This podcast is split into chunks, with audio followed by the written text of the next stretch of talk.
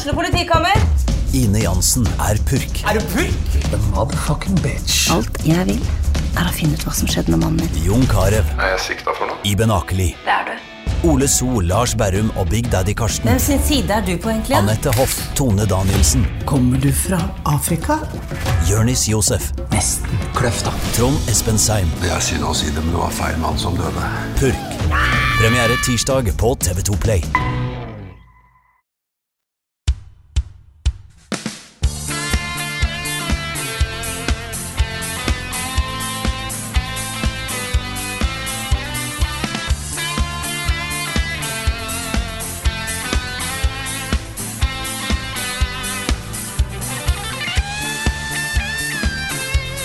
Frida har nok en gang seilet tilbake til the land of the Doctorgrad, Grad, men vi er fortsatt her for å lage en episode av Level Backup til dere som hører på.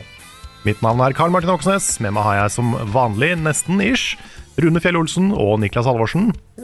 Velkommen. Åssen føler, føler vi oss i dag? Ganske bra. Kommet mer Destiny, vet du. Det har kommet mer Destiny. Har det kommet noe du liker, Nick? Nei, eller, det har, ja, eller Oct Octopath Traveler har jeg begynt å spille, og det er ganske kult. Ja, nice. Det er jeg spent på hva du syns om. Mm. Jeg har hørt gode ting. Vi kommer tilbake til begge, begge de to tingene seinere i podkasten. Det gjør vi, men vi har én ting å plugge først. Var det sånn? Ja, fordi vi begynte jo å plugge dette her eh, i starten av eh, midten av januar. eh, og så tok det litt lengre tid enn vi trodde. Eh, men nå skjer det altså, folkens. Nå skjer det. Eh, nå hvert øyeblikk. Jeg tror det kanskje blir til neste uke. Kommer da Good Game, eh, og da inkludert oss, på Folkeinvest. Og Folkeinvest er jo en sånn crowdfunding-greie kombinert med sånn investorgreie. Eh, ligner litt på Kickstarter. Du har et, et eh, mål eh, om at det skal samles inn så og så mye penger. Eh, og så kan du da på en måte tegne deg for et beløp. Du kan eh, eh, på en måte booke aksjer, eller bestille aksjer, hvis da Folkeinvest-kampanjen går gjennom. Og hvis den går gjennom, så vil du da bli deleier i Good Game, og eh, inkludert da Level Up. Den kampanjen starter nå snart, eh, og um, jeg vil jo si den er ganske viktig for eh, både vår framtid og hele Good Games framtid. Dette handler jo om eh, å satse riktig for eh, årene framover. Så vi er eh, dritspente på, på hvordan dette går. Så, så hvis du har lyst til å bli deleier da, i, eh, i Good Games, som er da Gamer.no og Telialigaen og masse andre spennende prosjekter som de jobber med, eh, og Fem- Level Up. Ja, 50% av level up. 50% av level up, så, så er Folkeinvest um, en god mulighet da, til å, til å bli med på dette her. Så sjekk ut folkeinvest.no. Jeg tror det også blir lagt ut en kampanjeside på goodgame.no slash folkeinvest etter hvert. Så vil du finne masse informasjon da, om, om den. Tetris. Skyrim. Destiny 2. The Sims. Edderkoppkabal. Destiny 2. Animal Crossing. Pokémon Cola eller Pokémon Pepsi. Destiny 2. Guitar Hero. Kingdom Hearts Bohemian Boogaloo. Destiny 2. Level Ups spilleliste. Vi skal som vanlig snakke om hva vi har spilt i det siste, og denne uka her så er det jeg som begynner. Jeg har spilt noe som eh, i snakkende stund ikke har kommet ut ennå. Det er jo alltid litt stas når vi, når vi får sånn tidligkode til spill og sånn. Men det er jo når du hører på podkasten, så har det kommet ut. Det er nemlig Wolong Fallen Dynasty. Ah, ja. Og dette er jo Team Ninja som står bak. Det er det tredje spillet på en måte i Nio-serien, men det er en ny setting og, og litt ny mechanics og litt sånn. Så det er er vi jo på hva, hva heter den settingen da? Det er et eller annet sånn æra i Kina. De tre rikers tid, ifølge Det Wikipedia. var det. Ja, nettopp. Så jeg måtte, jeg måtte Wikipedia litt for å vite hva det var snakk om. Jeg blir alltid litt stressa på sånne ting, fordi eh, noen kan masse Ja. om den tidsperioden. Mm. Og hvis man sier noe feil, så er det, er det liksom Ikke sant? Da, da viser man hvor dum, hvor dum man er. Ja, ja, Derfor jeg sprer det bredt, ikke sant. Eh, er samuraier. Ja. ja, fordi jeg vet ikke hva de krigerne her heter. For det er jo mye tidligere. I, det er jo rett etter år null. Det er vel år 200. Så det var 200 år etter år, år null, da. Ja, jeg, Så jeg er ikke rett etter. Men Ja, det er eh, ganske mye. For oss i dag så er det ganske mye. ja, Men i et historisk perspektiv kanskje ikke så mye. nei, nettopp. Mm. Så um, dette er jo mye tidligere i timelinen enn det Nio er. Men okay. gameplay er veldig likt. Du har liksom den samme sånn derre Souls-aktige combaten som føles som den er skrudd opp til 200 speed. At det er sånn alle animasjoner er dritkjappe. Og alt skjer veldig fort, og fiender løper fort, fortere enn det liksom er menneskelig mulig å løpe.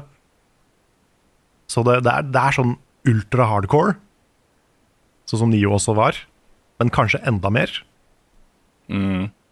Um, og så er det en ny sånn type um, Det er et nytt deflection-system som, uh, som går ut på liksom du, du må trykke på runding, eller på hva enn du bruker på Er B på Xbox? Det er vel der rund, runding er, ja. Runding og B er samme. Stemmer. Um, på perfekt tidspunkt for å deflekte deg, litt sånn som du gjør i Sekro f.eks. Altså det føles, som, uh, det føles som om de har på en måte tatt kampsystemet i Sekiro, men gjort det til en greie hvor det er utrolig viktig at du trykker på riktig tidspunkt. Også i Sekiro så kan du sitte bare spamme deflect-knappen ikke sant, og komme deg gjennom fighter uh, og bygge opp posture hos fiendene. Her må du treffe på riktig tidspunkt. Ja, du kan spamme litt her òg, men, okay. men ikke like mye. Fordi hvis du, hvis du liksom Hvis du blir treffet midt imellom to spams, Mm. så blir du treffet. Og det gjør vondt. Ja, jeg, må, jeg kan jo nevne her da at jeg, jeg har jo også prøvd meg på uh, Wolong. Uh, ga opp på første boss. På første også boss. første tutorial-boss. Ja, men det er den, sånn- den første bossen i Wolong er den drøyeste første bossen tror jeg noen gang har vært borti. Ja, jeg husker at det var det samme med Nio også, første Nio. Ja, uh, den også var tøff, men den her syns jeg er enda tøffere. Ja, jeg også syns den her er enda tøffere. Og det, det, er, det er et eller annet med den derre Når du sier det går fort, Mm. jeg tror det er det som, eh, det som stopper meg, altså. Fordi jeg får ikke med meg om jeg deflekter engang. Jeg får ikke med meg om jeg treffer riktig. Eh, Det kommer en, en lydkue, liksom, Mm. men eh, det, det går så fort at, at jeg misser opportunities og alt mulig rart, da. Ja. Men jeg også var jo- overvelda i starten, altså. Spesielt Mm. på den bossen her, for den er, den er eh, intens. Og den har to faser. Du tror du har tatt den, og så bare nei. Ja, han eh, får jo en sånn derre eh, Godric-arm i Mm. fase to, som gjør vondt. Den så det. Jeg, altså, jeg, jeg vet jeg hadde klart det. det er, altså, jeg kom jo til andre fase flere ganger og hadde, var ikke så langt unna, liksom. Men jeg tenkte bare det her orker jeg ikke. Hvis jeg ikke skal anmelde dette her, så orker jeg ikke å fortsette nå. Nei. Det er en terskel å komme inn i det spillet her. Det merka jeg det var for meg òg. Jeg skulle jo anmelde det, så jeg uh, følte at jeg måtte bare pushe gjennom.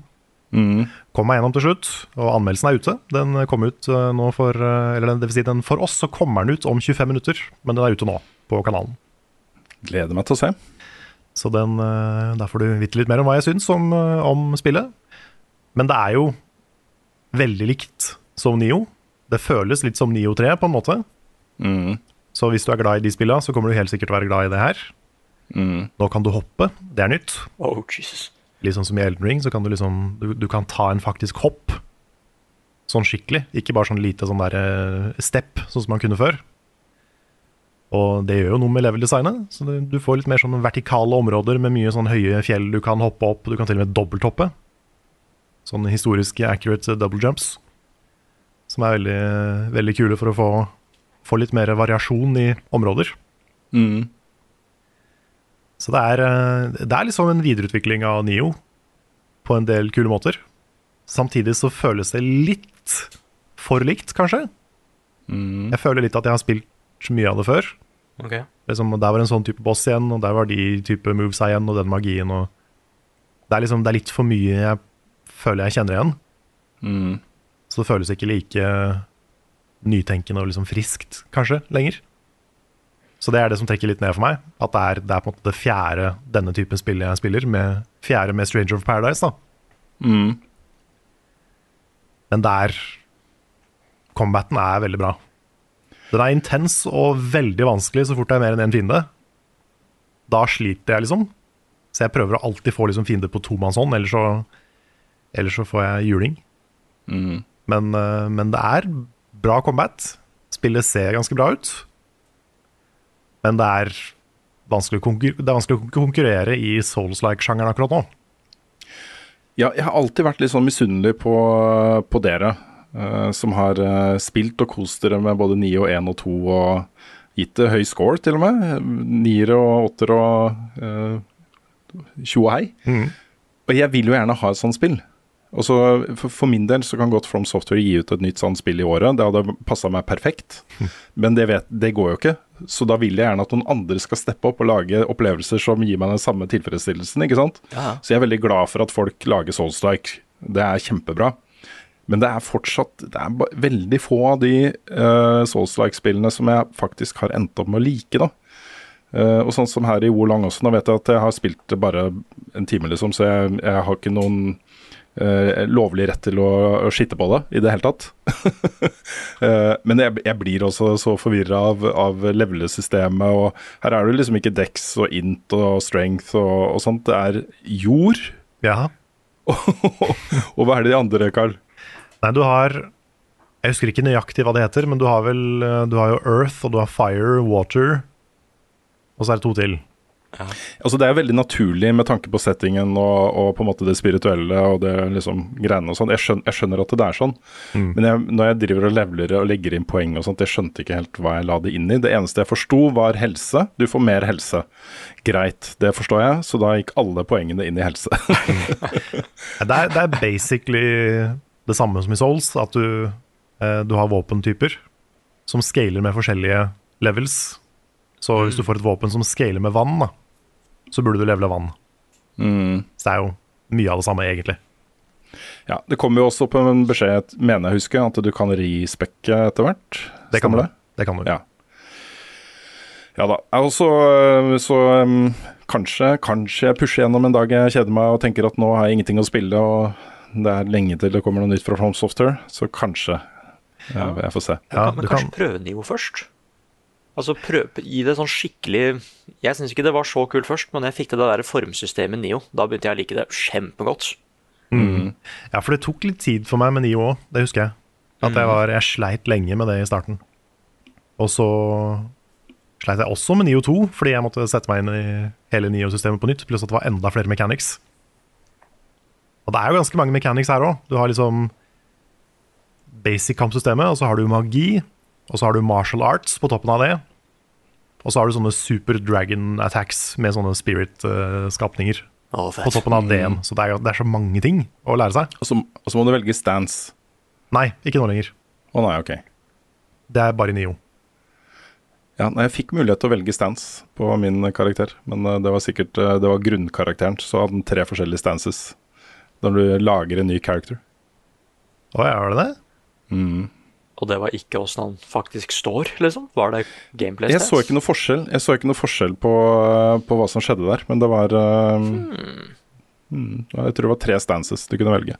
Fra starten av, da. Og som var liksom Ja, i, til karakteren. character creatoren, ja. Ja, Ja, det er sikkert bare en sånn personlighetsting. jeg så ikke noe forskjell, så det var derfor jeg tenkte her er det et eller annet jeg ikke forstår. Nei, for stance-systemet var en stor del av Nio, men det har ikke vært Ja, det her. Ja, ok. Ja, nei, jeg er eh, imponert over at du har uh, kverna deg gjennom et, eh, et spill som dette her. Det er uten eh, det er uten internett til, til hjelp. Ja, det, det merker man.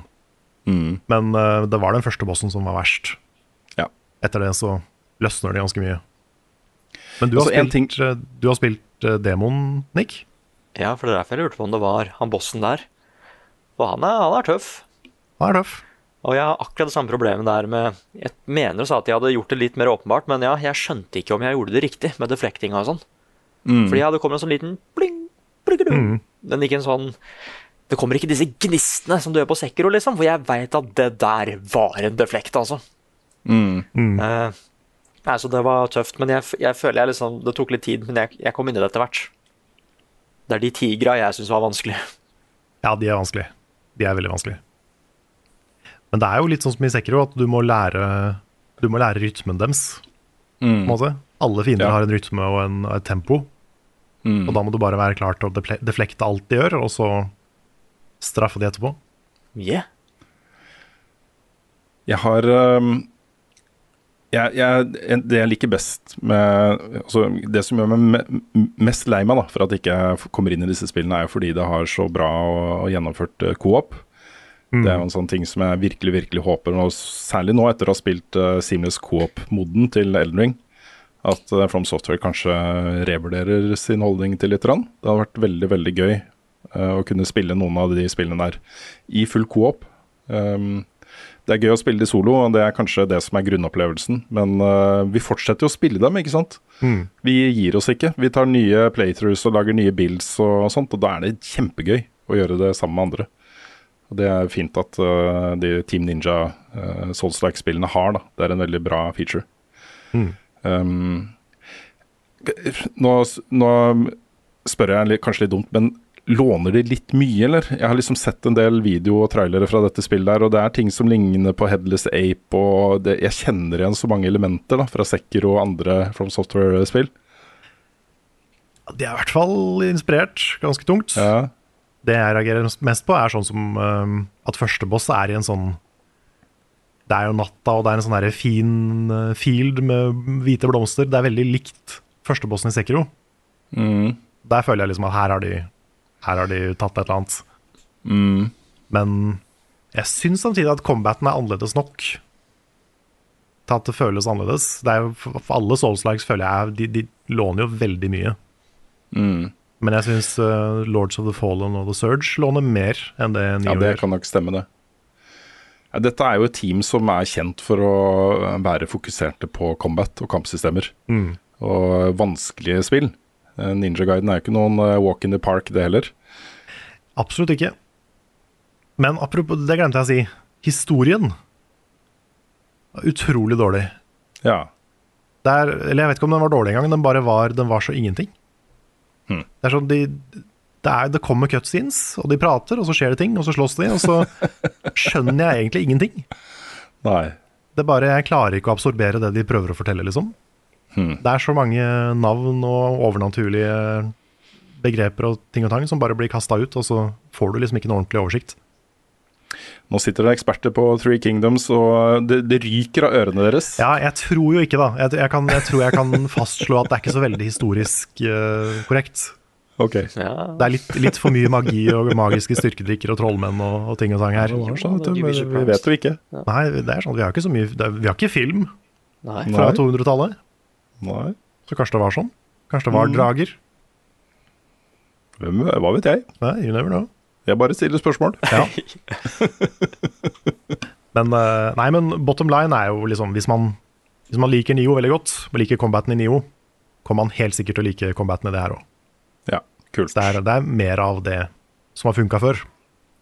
Mm. Så absolutt et bra spill, altså, selv om det ikke for meg når helt opp til eh, de beste Souls-like-spilla.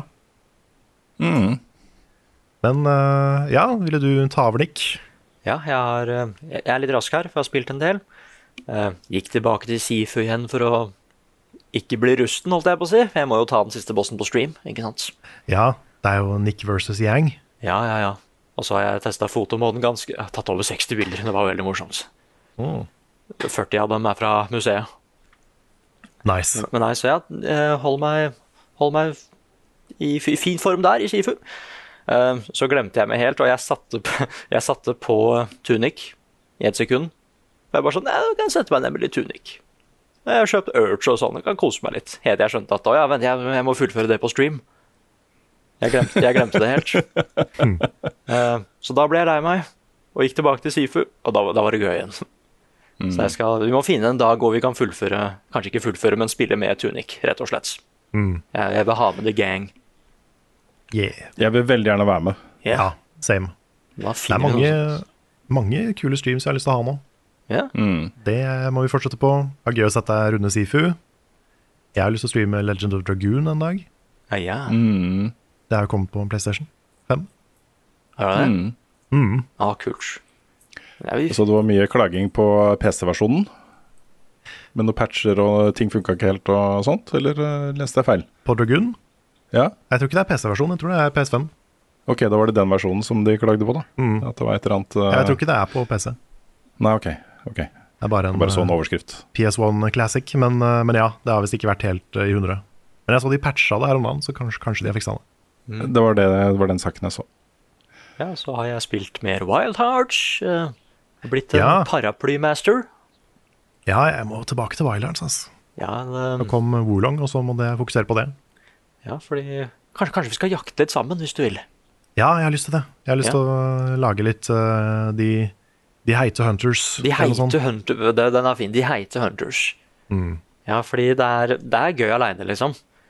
Og de gjør til og med liksom ting som jeg kunne ønske at Monster Hunter gjorde litt mer. Egentlig at ting er litt raskere, kanskje.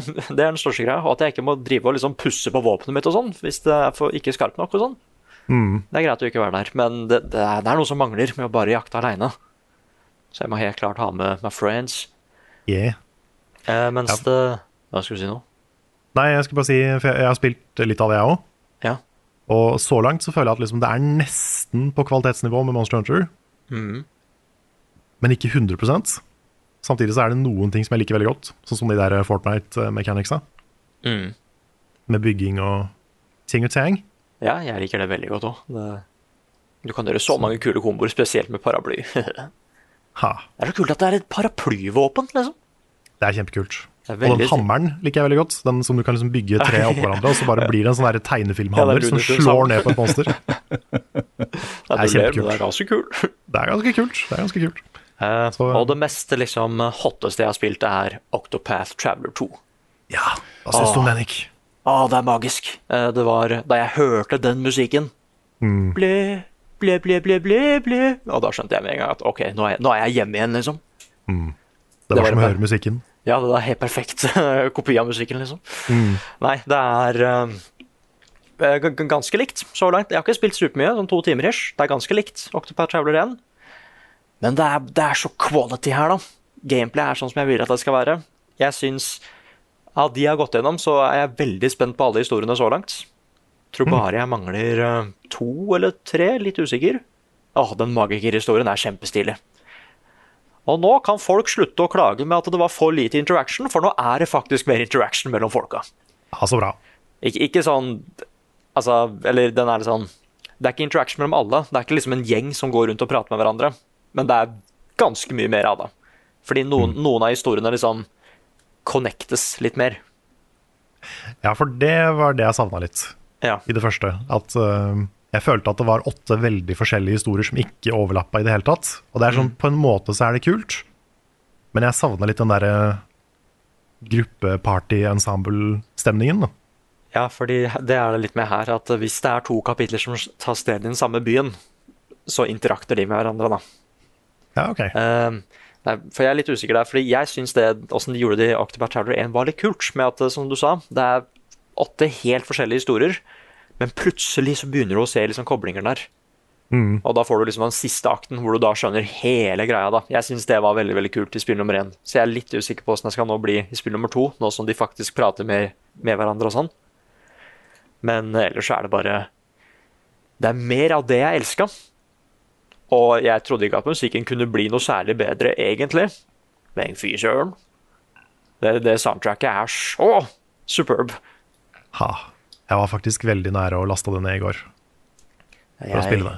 Jeg, jeg tror eh, Altså, jeg tror du hadde likt det Du sa du likte det først òg, men jeg tror du liker det her eh, Jeg tror du kommer til å ha det fett, altså.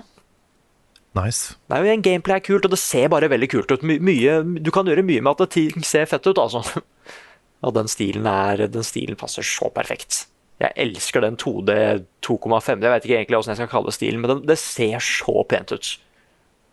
Det gjør det. Det er vel noe tilt-skift inni der også, er det ikke det? Et eller annet også med sånn dybdeperspektiv og Ja, ja, ja. mm. Det er samme som de bruker i eh, Triangle Strategy også. Ja, det, det, det, den stilen er så fin. Og jeg, jeg kunne ønske er at det det. liksom, de gjorde, gikk litt tilbake til det med liksom Pokémon og Fire Emblem av og til òg, fordi jeg, Mm. det ser så pent ut. Det er den stilen her de burde brukt til å remake alle de seks første Final Fantasy-spillene, f.eks. Ja, Ja. Det hadde vært dritkult. Jeg vet hva, Kan ikke de gjøre det? Når de har litt fritid, liksom. Ja, kan de ikke gjøre det? Ja, Lage de Fine Fantasy-spillene. Bare bing, bare boom, liksom. Ja, come on, guys. Nei, så, så langt eh, Jeg har jo lyst til å anmelde det òg, men jeg var veldig sein på det første spillet. Så hvis det blir en anmeldelse, så er jeg litt sein på det her òg. For det er svært. Ja, du har jo så mye å spille og anmelde nå på starten av året også, Nick, så det tror jeg folk eh, forstår. Ja, det er eh, Jeg kommer i hvert fall til å snakke mer om det. Med mindre det kollapser helt, på en måte. Det tror jeg ikke det gjør, men Nei, så langt så koser jeg meg så mye med det. Nydelig. Kult. Yeah. Er det Er du ditt uh, Q, Rune? Yes. Kan du begynne med et par ting jeg har spilt som jeg ikke har spilt så mye. Og Det ene er et spill som kom ut på tirsdag, som heter Scars Above. Ja. Det var et spill som um, jeg ble skikkelig gira på da det kom trailer fra det i fjor.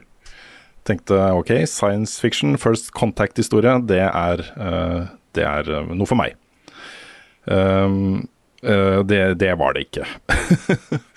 Det er altså Vi har kommet til et punkt nå i, i spillmediet hvor, hvor små teams um, kan få ting til å bli liksom Triple A blockbuster-lignende uh, med de verktøyene som er tilgjengelig. Det er så gode utviklerverktøy, og folk er så flinke og, og sånt. Uh, men det er også en tid hvor det er lett å få, å få ting som, uh, som ikke er så bra til å fremstå som så bra i trailer og sånt. Fordi det er en del ganske spektakulære sekvenser og scener og backdrops og sånt i dette spillet her. Men det å faktisk spille det er veldig nedstrippa, altså. Um, ordentlig gammeldags. Uh, med sånn krøkkete bevegelser og veldig tradisjonelle oppgaver uh, og ting du skal gjøre, og skyte ting og sånt. Så det, det, det føles som en veldig sånn lavbudsjettsproduksjon med en gang, liksom. Den første timen var veldig, veldig sann. Eh, gjennomsnittlig. Det var ikke noe eh, Ga meg ikke noe følelse av, av storhet i det hele tatt. Så alle de backdropene og sånn som så litt kule ut, det var bare window dressing for meg, da. Så det er selvfølgelig, som med hvor lang, liksom, vanskelig å dømme et spill ut fra et par timer uh, uh, med spilling. Men det, det, kommer ikke til å Jeg tror ikke det kommer til å endre seg. Jeg tror det kommer til å være en veldig, uh, kanskje til og med litt sånn below average, under gjennomsnittlig spillopplevelse. Så da valgte jeg å, å, prioritere andre ting, for jeg hadde egentlig ikke tenkt tid til å spille. Så det passa meg egentlig ganske bra at ikke det var sånn Hadde dette vært, hadde dette vært Starfield, så hadde jeg selvfølgelig plowed through og anmeldt det, og spilt så mye jeg måtte for å anmelde det.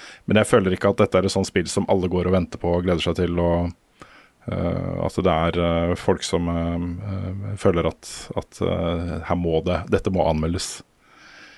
Så, så ber om forståelse for at den blir droppa, da. men det var, det var røft, også. Det var ikke det, var ikke det jeg håpa det skulle være i det hele tatt. Dessverre. Noe annet som, uh, som, jeg gjorde som var litt ukarakteristisk meg, da, det var at jeg hoppa på et Early Access-spill, og det pleier jeg ikke å gjøre. Jeg pleier å vente til det kommer til full release. Okay. Mm. Men det her klarte jeg ikke å la være, fordi det så så gøy ut. Og det var jo da selvfølgelig Sons of the Forest. Ja. Ja. Som jeg så nå, det solgte to millioner eksemplarer de første 24 timene, folkens. Ja, jeg har eksplodert. Ja, sånn har uh, Steam Early Access blitt også. Har det? Det er, uh, det er helt vilt altså, hvor uh, fort uh, ting tar av. Uh, dette er jo oppfølgeren til The Forest, så jeg skjønner jo at dette er etterlengta. Det, det er jo en av de store store Early Access uh, og utgivelsene uh, på Steam. Um, og det er også så bananas, det spillet. Jeg, det jeg elsker med det, er, er designet av disse mutantene. Det syns jeg er det kuleste med hele spillet. For det er liksom ikke bare én litt sånn generisk uh, fiende, liksom. De er så forskjellige. Noen klatrer i trær og hopper fra tre til tre. Andre har sånne kjempestore munner som starter på navlen omtrent. og fortsetter da på tvers oppover helt opp til toppen av hodet. Mm. Gaping um, er dragon. med- Hæ? Ja, litt sånn gaping dragon. Ikke sant? Eh, Du kan bli kjæreste med en mutant. Oh. Begynne å date en mutant, liksom. Eh, en annen gang så, så drepte jeg en mutant, og så kommer liksom kjæresten til den mutanten og hylgråter over liket. altså, det er så mye weird da, med disse mutantene. Uh, og så er det ganske mye skummelt med de grottene du skal utforske for å finne nyttige oppgraderinger og sånt. Og så har du det Minecraft eh, bygge base-greiene på toppen. Og så har du en NPC-medhjelper. Er det Trevor han heter? Som er bare helt nydelig, altså. Et eller annet som har skjedd med han. Han er bare sånn derre tomt skall.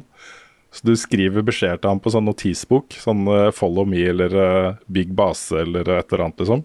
Så sier han, eh, nikker han bare, eller tar jo tommel opp, eller noe sånt, og så går han og bare gjør det. Følger etter en sånn så det er dum, dum robot. Så um, jeg kommer nok ikke til å fortsette å spille dette heller. Det blir sånn uh, vente på full release, Men uh, det, dette er et spill som jeg tror kommer til å leve godt i mange år, altså. Det har en utrolig kul um, setting. En uh, bra story, virker det som. Masse kule funksjoner. Uh, og ikke minst, da, eh, også co-op. Så jeg spilte dette solo, men eh, når jeg skal spille det igjen, så vil jeg spille det sammen med noen andre. Tipper at eh, Andreas, vår Early Access-mann, eh, ser nærmere på Sons of the Forest eh, etter hvert. Når han er ferdig med PlayStation VR2-ting. Men det jeg har brukt mest tid på i uka som har gått, er selvfølgelig eh, Destiny 2 Lightfall. Det kommer jo på tirsdag. Dette er jo en, en sånn hovedekspansjon av spillet eh, i gate, da, med Witch Queen eller eh, Forsaken eller Beyond Light eller altså disse svære med store historiechunks og et nytt raid og alt dette her. Uh, Raidet kommer ikke før 10. mars, så det har jeg ikke testa ennå.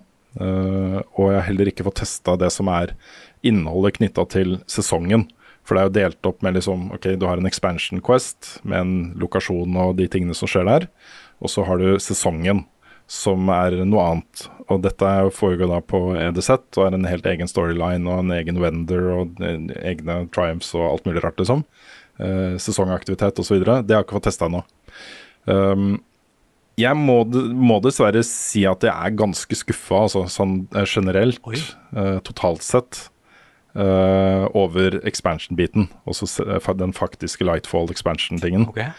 Eh, og her har jo uh, Det er jo en ny lokasjon, Neptun, hvor det da eksisterer en sånn hemmelig by og en hemmelig sivilisasjon som var på en måte brøt ut fra menneskeheten på samme måte som Awoken og de andre menneskerasene gjorde. og ble på en måte litt sin egen greie da, her på Neptun. Bygde en sånn pastellfarga neonverden.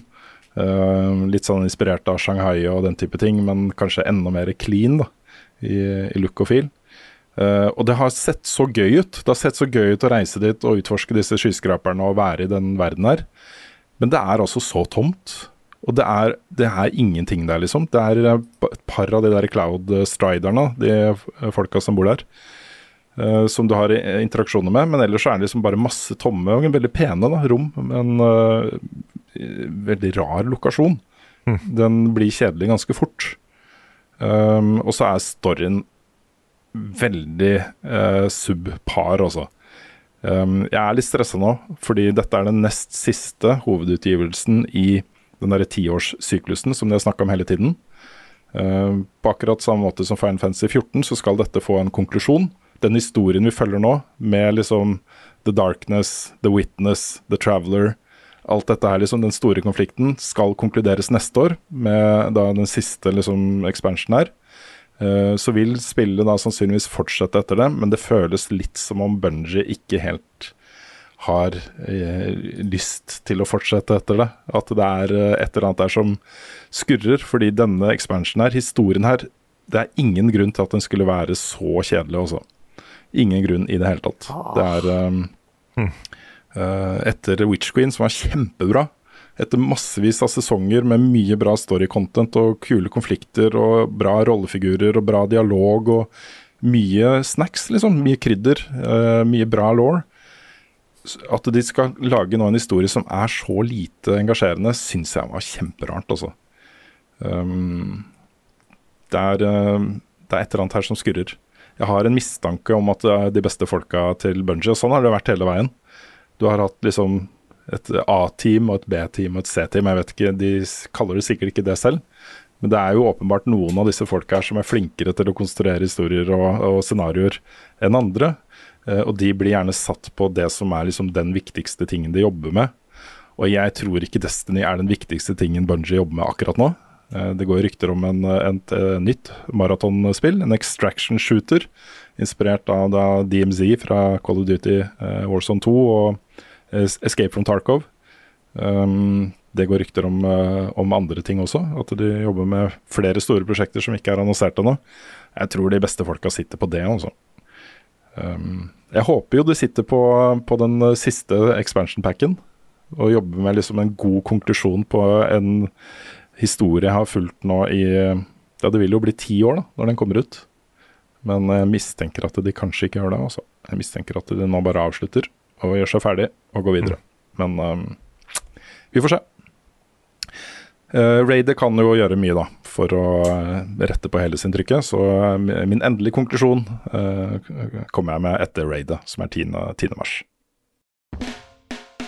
Har dere prøvd Vann fra springen? Jeg har sett en ny TV-serie ja, nå, vet du. Dette albumet må dere høre. TV-spill er ganske stas.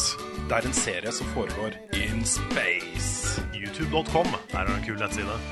Level Ups anbefaling. Ukas anbefaling kommer fra Nick. Hva har du tenkt å anbefale, Nick? Jeg hadde lyst til å anbefale anime igjen, men vi, vi tar en vanlig TV-serie i dag òg. Ok? Eh, fordi nå, nå er det litt mer sånn eh, Nå som The Last of Us gjør det bra, så er det litt mer eh, zombier i vinden nå for tida. Eller rettere sagt, folk ber om litt mer skumle zombiefilmer og serier og and whatnot. Selv om The Last of Us det, det er ikke egentlig en zombieserie, men det er litt zombieserie òg, på en måte. Det er mange av de samme elementene. Det er det. Jeg føler, jeg føler det går greit å si det, liksom. Og da har jeg lyst til å anbefale en serie som jeg har lyst til å anbefale lenge, men da har det ikke vært et bra tidspunkt. Men nå som det er litt mer zombie-action og sånn, så føler jeg at jeg kan ta den. Og det er en serie på Netflix som heter Black Summer. Jeg har ikke hørt om engang. Nei. Nei, ikke sant. Eh, Nei, for det var sånn sånn der at jeg eh, Jeg husker ikke helt åssen jeg fant den. Nå er det nesten et halvt år siden, da, så jeg husker ikke Plutselig så bare bestemte jeg meg for å se på det. Og det er en, det er en bra serie, altså, dere. Den er, det, det er en hidden gem. Den er litt sånn Det er kanskje ikke en zombieserie for alle, for det handler veldig mye mer om eh, Har dere sett Dunkerque? Ja, ja. Ja. Ja, fordi der handler det liksom mer om hendelsen, ikke sant? At eh, du har noen karakterer som har et par arcs her og der, men det handler mer om hendelsen, altså liksom hva som skjedde på den stranda. Og det, det er på en måte bygd opp på litt den samme måten, med at eh, vi følger starten av kanskje bare en uke inn, eller noe sånt, jeg husker ikke helt, av The Zombie Apocalypse. Eh, og eh, det er mer det at ja, de har noen veldig sånne kule, mange long takes, og det føles ut som at vi skal virkelig følge disse survivors da, for å se da, hvordan de skal overleve denne hendelsen her. Eh, Så det er mange stille øyeblikk, det er mange skikkelig intense øyeblikk, men det er en, helt klart en sånn, sammenlignet med Walking Dead og mange andre ting, så er det en veldig slow burn til å begynne med. Fordi du skal ha den usikkerheten bare at ok, er de egentlig trygge nå? Er det trygt å liksom holde seg her en natt, liksom?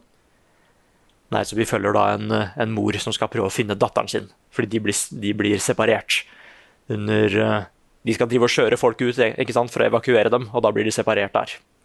Så da må henne finne datteren sin, og da må hun joine med noen andre survivors for å få til det, da. Og det er kjempespennende, fordi vi følger mange forskjellige karakterer, og vi får liksom forskjellige perspektiver fra, dem. Litt sånn som Game of Thrones, med at de er på forskjellige steder, men så blir de connecta etter hvert. da. For de, skal til, de har det samme målet. De har bare forskjellige veier å komme seg dit. Og da hjelper det også at zombiene er dritskumle i den serien. Fordi det er, det er disse running zombiesa som jeg alltid ikke liker. Fordi jeg hadde ikke overlevd lenge ikke sant? i The Zombie Apocalypse. For jeg er ikke godt rent Sånn i det hele tatt. Men så er det også det at de tåler fryktelig mye. Noen av de overlever headshots, liksom. Oi. Og da er det skummelt. ja, det er OP. Ja, det er, det er ganske OP. Og så har de også den her med at eh, hvis det var liksom folk som ikke var så godt trent, da, åssen hadde de egentlig klart seg i en zombie apocalypse? Nei, så den eh, Jeg syns den er veldig Den har en mye mer sånn realistisk eh, take da, på en zombie apocalypse jeg, jeg har sett på veldig lenge. Og igjen, det er noen av de episodene som er så stilig liksom regissert. Av de kule kameravinklene de har og sånt. Det er igjen masse kule longtakes og utrolig stilige setpieces rundt omkring. Så ja, jeg anbefaler eh, Black Summer. Det har bare kommet to sesonger. Det går rykter om en tredje, men det er ikke helt sikkert.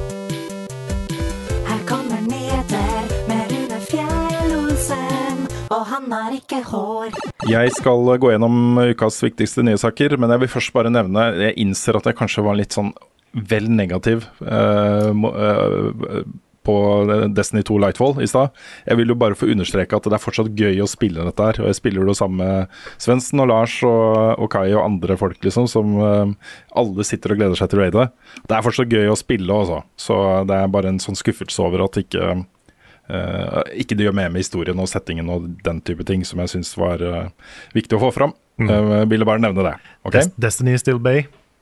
Ja, det er gøy, det er kos å spille, men jeg, det, jeg kommer ikke til å fortsette å spille etter raidet, det er jeg ganske sikker på. Og så håper jeg de gjør noe med sesongen, da. At det blir lagt inn litt exotic quests og dungeons og sånne ting som er morsomt. Så, men ok. Um, nå har vi jo gått uh, litt mye rundt grøten gjennom hele episoden. Jeg har liksom hatt lyst til å snakke om det hele tiden, og det er jo fordi det kommer jo en nyhet denne uka her som uh, vi ble ganske happy for, uh, opptil flere av oss. Og det er jo at nå får Elden Ring faktisk story-delelse, som vi har um, håpa på og drømt om og antatt skulle skje. da. Det må nesten skje. Nå kommer det! Nå kommer det. Elden Ring, Shadow of the Erd Tree heter det. Vi vet ingenting annet enn det ene uh, konseptskissebildet som de la ut med announcementen. Og de det sier er, det er under utvikling. og det har ikke stoppa youtubere fra å lage lange videoer om dette bildet. Nei, nei, nei, man kan snakke om det uh, lenge. og spekulere og sånne ting. Jeg husker jo En, en teori, teori vi har hatt hele tiden, er jo at uh, det derre uh, setpisen etter Mugg Eh, hvor uh, Mikkela ligger inni en sånn kukong, og det, armen kommer liksom ut fra, fra den det, det føles som du skal kunne gå og ta på den, eller uh, interacte med den, ikke sant? At det kan være et startskudd for en storydelelse, og det er jo mye som tyder på at, at da uh, du får i sted torrent, eller i hvert fall en, en hest som ligner på torrent, en hesteku. Hesteokse blir det vel kanskje, med horn. Eh, og da en, en rollefigur som kan godt være Michaela, som sitter på ryggen til Torrent. Ja, jeg ser det er eh, debatter om dette her er Er det Michaela, eller er det en ung Marika? Ja, for jeg tenker også at det kanskje kan Det, kan, det er fort gjort at det er det òg, altså. Ja, Mm. ikke godt å si. Og så er det jo to trær, på en måte. Eller det er ett Erd Tree som virker som det lekker. Lekker sånn der gyllent eh, et eller annet. Mm. Og så er det et annet tre som er rappa rundt det treet. Ja. Så det det, hva, var jo, hva, hva betyr det? ja, for det var jo tre først, liksom. Ja, det var et tre før The Tree. Ja, ikke sant? Så Mm. kanskje det er liksom starten der. Kanskje det er derfor det er, kanskje er Det er sånn henne ankommer The Land Between. Kanskje? Det er mye gode teorier her, og jeg, jeg tror i hvert fall uansett at vi skal tilbake i tid. Jeg tror vi skal uh, utforske hva som har skjedd i The Lands Between før vi ankommer. Jeg tror det er ganske sannsynlig å anta, altså. Eh, Det åpner opp for muligheten til å gjøre mye mer med uh, delelseinnholdet, som From Software har gjort før. Altså The Old Hunters til Bloodborne. Det var jo bare en helt separat opplevelse som ble integrert med resten, men eh, som standalone-ting så var det jo sin egen greie. Akkurat det samme med Ringed City og de andre store delscenene de har lagd. Så har de jobba mye med å på en måte lage en egen look og feel, og nye bosser og nye items og våpen. og eh, en helt ny opplevelse, eh, som da selvfølgelig er basert på eh, opphavet, men som, som har sin egen identitet. Eh, og hvis, hvis de hadde lagd en story-DLC som foregår samtidig med at vi er der, så Vi har jo vært overalt på dette kartet. Eller ikke overalt, jeg oppdager fortsatt nye ting. Ja. Men eh, det Kan- blir vanskeligere å få til, da. Det kan hende det er noe i midten, da. Ja, du har det der området som er dekt av skyer, og som er midt mellom alle de der tårna. tårna. Det er sant, det. Kan hende det er noe der. Nei, men vi, eh, vi uh, eh, gleder oss til å få vite mer. Vi vet ikke noe mer enn dette her ennå. Uh, vi kommer tilbake til eh, litt om den nyheten her i, i spørsmål og svar-spalten eh, mot slutten av podkasten også. Men uh, siden vi vet såpass lite, så eh, går vi videre nå. Eh, men før vi går videre til neste nye sak, så vil jeg også nevne at uh, Elden Ring også vant Game of the Year på Dice Awards. Som er vel en, en av de to mest prestisjetunge prisutdelingene i spill, uh, spillmediet, mener jeg. da Fordi det er utviklere selv da som hyller sine egne. Og det er ordentlige fagjurer, og det, det er liksom ordentlig godt faglig begrunna. Uh, alltid. Det er veldig veldig gode nominasjonslister og, og rettferdige vinnere. Alltid, syns jeg, da. Eh, og da har da altså eh, også Elden Ring gått eh, opp i på førsteplass over tidenes mestvinnende Game of the Year-spill. Gikk forbi The Last of Us Part 2. Wow. Det er jo sikkert litt fordi det er flere nå som deler ut Game of the Year-titler. Flere medier Mm. Ja, fordi hva skal, og hva skal til for å være med på den lista? Kan du bare være en uh, nyoppstarta YouTube-kanal og lage en Game of the Year-liste, liksom? Eller må du være et etablert Jeg vet ikke. Jeg tror det, jeg tror det er liksom uansett, da. Eh, Så lenge det er et, et medie med, med litt track record, og som har eh, ikke bare Det, det eneste de har gjort, er ikke å bare kåre Elden Ring til Game of the Year. Nei. Men er, er vi på den lista, f.eks.? Ja, det vet jeg ikke. Nei. Det vet jeg ikke. Uh, og så har det runda 20 millioner solgte spill. Jeg husker ikke om dere nevnte det i forrige uke. Men, Det gjorde vi. Uh, Ja. Det, er, det har fått et nytt liv også. Det er flere jeg kjenner nå som starter på Elden Ring nå, liksom. Mm. Det, er, eh, det er gøy å se også. Kjempegøy. Fortjent. Og så Yes, og så var det en Pokémon Presents-greie på YouTube uh, på mandag som vi uh, dekka live. Ja. Det På stemmer. Twitch-kanalen vår. Mm. Um, det var ikke de kjempe, kjempestore nyhetene, men det kommer da to nye historie-DLC-er til, eh, til Pokémon Scarlet og eh, Violet til høsten. Det gjør det. Det er jo sånn Hva heter det? Ikke, ikke exchange eh, student trip, men eh, et eller annet sånn derre en, en skoletur, i hvert fall. Hvor du, du reiser til først et sted som virka litt Japan-inspirert. Og så eh, et annet sted som var litt mer sånn Hva var det for noe? Litt mer sånn stadium sci-fi, mye forskjellig. ja, svær båt. En svær båt. Mm. Så eh, jeg er spent. Det, jeg syns jo, til tross for alt det tekniske, så var jo Scarlett Violet veldig gøy. Så jeg gleder meg til å få mer. Litt Mm. nye Pokémon, litt nye ting og sang. Så det er stas. Og så er det vel sju eller åtte år siden eller noe sånt vi fikk eh, høre om, eh, om dette Pokémon-spillet her. Pokémon Sleep. Ja, fire år siden. Jeg tror det var i hvert fall tolv. I Minst hvert tolv. fall tolv år siden, ja. Nå ble jeg så de- forvirra. Bare sju år. Ja, kanskje på noen av dem. Hva kan det ha vært? Så er det Ja, jeg, jeg skal google dette her mens du, eh, mens du snakker om hva Pokémon Sleep er, eh, Karl. Ja, jeg kan snakke litt om det. Det er, eh, det er jo en app, en søvnapp, som skal måle hvor godt du sover. Og så, da vil jeg tippe, da, gi deg litt XP og litt sånn eh, bonuser hvis du sover godt om nettene. Ja, men eh, Ja. Så jeg er spent på hvordan det kommer til å funke. Det, hvis det er holdt på å si, en, en bra utvikla app som faktisk klarer å måle det riktig på en god måte, så er det jo noe der.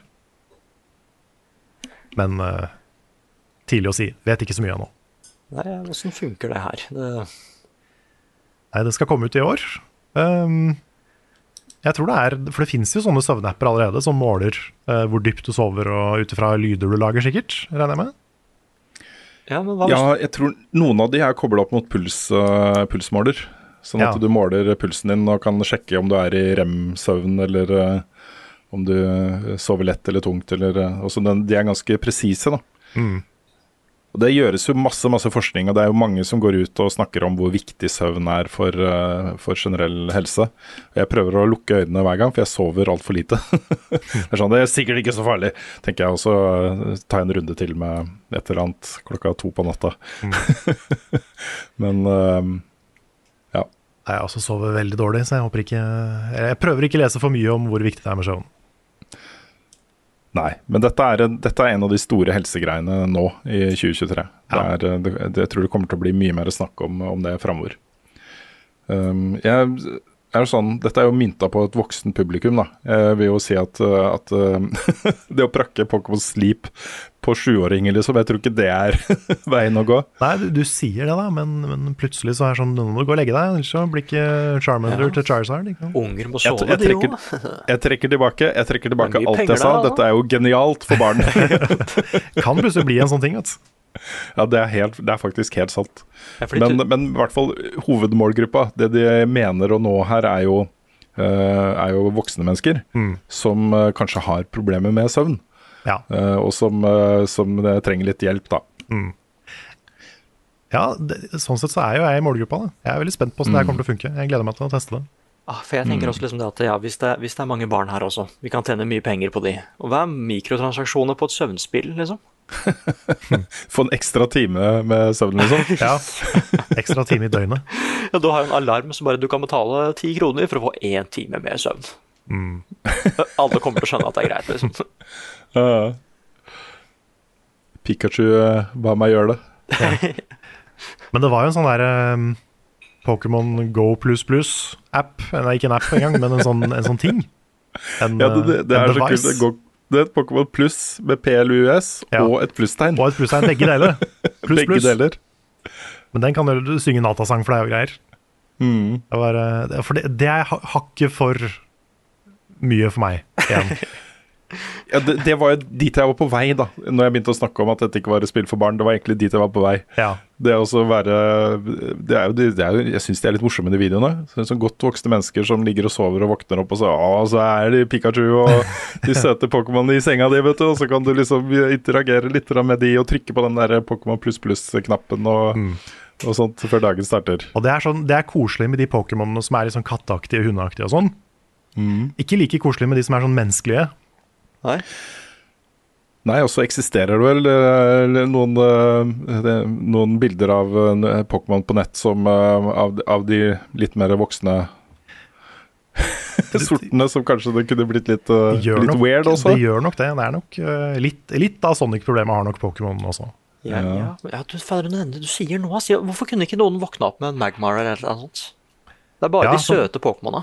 Smelter senga. Ja. Mm. Kanskje du havner på gulvet fordi, eh, fordi Snorlax eh, tar for mye plass? Ikke sant? Mm. Kunne lekt med det. Men det er, kanskje du legger deg bevisst på gulvet fordi Snorlax tar for mye plass? ja. Waylord må sove, han òg. men det var, nok, Ja. det var nok smart av de å liksom unngå de der seksualiserte Pokémonene i den reklamen her. Jeg tror det. Ja. Um, og så annonserte de vel en ny animasjonsfilm. Sånn var det sånn stop motion eh, Det var et eller annet. Jo, det var en Netflix-serie. Ja. Sånn Pokémon Resort, eller hva hva den het. Pokémon Husker ikke hva den het i farta. Jeg mener å huske det var resort, men det var i hvert fall på en resort. Ja. Det var litt sånn White, White Lotus-feel over det. Det så veldig koselig ut. Det var en Mm. Veldig sånn fin stop motion-animasjon. Så ut som sånne små leire. Så ut som en Pingu- Pingu-episode, nesten. Ja. Det var koselig. Var det noe mer på den, eller skal jeg gå videre? Det var vel det viktigste, var det ikke det? Mm. Vi, ehm, vi eh, har jo snakka mye om Ubisoft og problemene ehm, som de åpenbart har. Det er mye, mye som foregår der. Uh, og nå har da uh, studioet U Ubisoft Montpellier Montpellier Montpellier. Montpellier er nå under etterforskning av Arbeidstilsynet i Montpellier, byen også. Fordi selskapet har ekstremt mange sykemeldinger om dagen pga. stress og annen sykdom. overarbeiding, utbrenthet osv. Uh, og i samme studio eh, så har også Også dette er studio som lager Beyond Good and Evil 2, folkens. Uh, Michel Ancel, som jo hadde ideen til eh, Beyond Good and Evil back in the day, og som var med på laget som regissør av Beyond Good and Evil 2. Han slutter jo allerede i 2020. Uh, og så nå har da siden uh, årsskiftet, siden starten av januar, så har managing director, altså daglig leder i selskapet, Guillaume Carmona, ikke vært på jobb. Eh, og nå nettopp så ble det bekrefta at han ikke lenger jobber i selskapet. Det et eh, Det tegnes et bilde av et, et eh, selskap i trøbbel, dette her, altså. Mm. Jeg vet ikke helt, helt Jeg vet ikke helt hva jeg skal tro om Beyond Good and Evil 2 lenger, Nei. egentlig.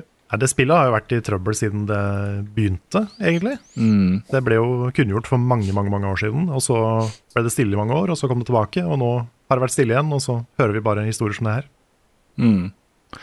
Dette er jo en sånn ting som skjer da, eh, når, eh, når eh, et selskap har uvanlig mange sykemeldinger, så kan man jo gå ut ifra at her er ikke ting som det bør være på arbeidsplassen. Noe og Derfor har man det Arbeidstilsynet, og det har vi jo her i Norge også. Ja, det er noe som skurrer i lederskapet der.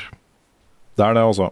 Så um, det, kom noen rapporter fra Anonyme rapporter da, fra folk som enten har jobba der eller fortsatt jobber der. eh, hvor det blir da snakka om at folk er utbrente, og det er mye ledere til og med eh, som har slutta. Um, så så um, spent på å se uh, hva Ubisoft gjør med dette. Det er et, al- en, al- veldig alvorlig sak som de må håndtere. Jeg vet ikke om jeg stoler på at de gjør det. Så vi får se. Nei, de har ikke den beste track recorden på å ta tak i ukultur i selskapet. Nei. Og så kommer jo da saker som, som uh, kanskje forhåpentligvis tegner et bilde av en spillbransje i endring. Uh, for nå er også da uh, Wolf Among Mangas 2 skulle komme i år, men det er utsatt til 2024 fordi For å unngå da utbrenthet og, og crunch. Så, så vi får jo en del av de sakene også, hvor både små og store studier velger å forlenge utviklingstiden for å være mer på lag med de ansatte som jobber der. Mm. Så Det må eh, normaliseres mer. absolutt. Et uh, spill vi eh, har gleda oss til siden det ble uh, annonsert første gang, er Atlas Fallen. Dette er jo det nye spillet til utviklerne av uh, The Surge og Lords of the Fallen. Må ikke forveksles med The Lords of the Fallen, folkens. som er et annet spill som også ser kult ut. Komplisert. Uh, uh, det har fått dato, det er 16. mai. Ja. Nå begynner mai å bli ganske trangt.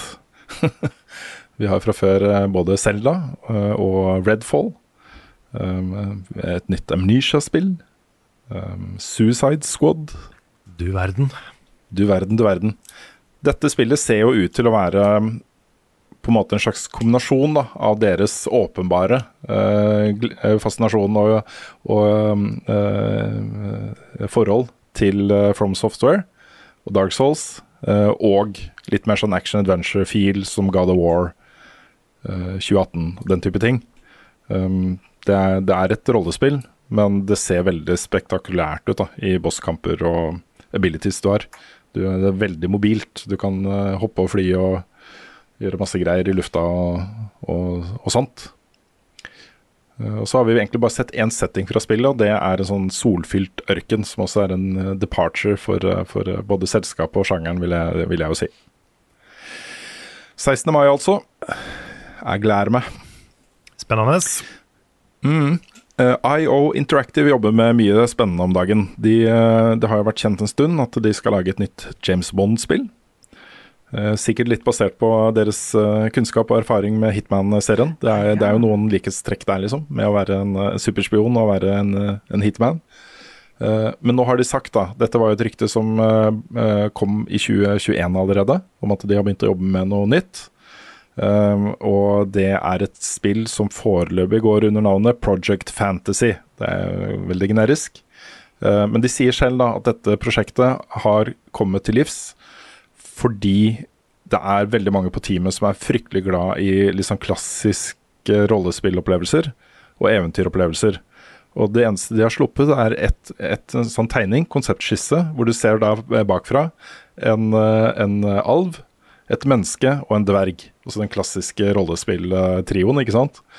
Eh, og da foran det ligger det et sånt fantastisk sånn eventyrland med uh, frodig skog og slott og masse kule ting å utforske og sånt. Og de har sagt at det skal være et online rollespill. Det kan bli hvor bra som helst. Dette er et uh, dritspennende prosjekt som, som jeg gleder meg veldig til å, til å se. De sier også at det har, vil ha da innhold som skal leve i mange år, anførselstegn. Så jeg vet ikke. Kanskje en slags kombinasjon av, um, av litt mer sånn tradisjonell MMO-RPG, MMO-RPG, og litt mer sånn type Elden Ring, uh, uh, fantasy, store åpne verdener-type ting. Det er i hvert fall det jeg forventer når de snakker om det på den måten. Ja. Spennende å se. Mm.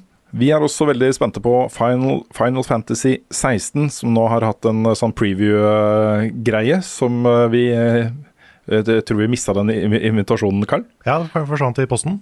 Forsvant i posten. Rart, det. Eh, men der kommer det da masse rapporter om, eh, om eh, hvordan den opplevelsen er. Og den generelle filen fra, fra de rapportene, fra preview-bilden som folk har testa, er jo at dette er ganske good shit. Ja, jeg har fått inntrykk av at det er ganske fett. Det er et mye mm. mer actionfokusert spill enn det de tidligere Final Fantasy-spillene har vært.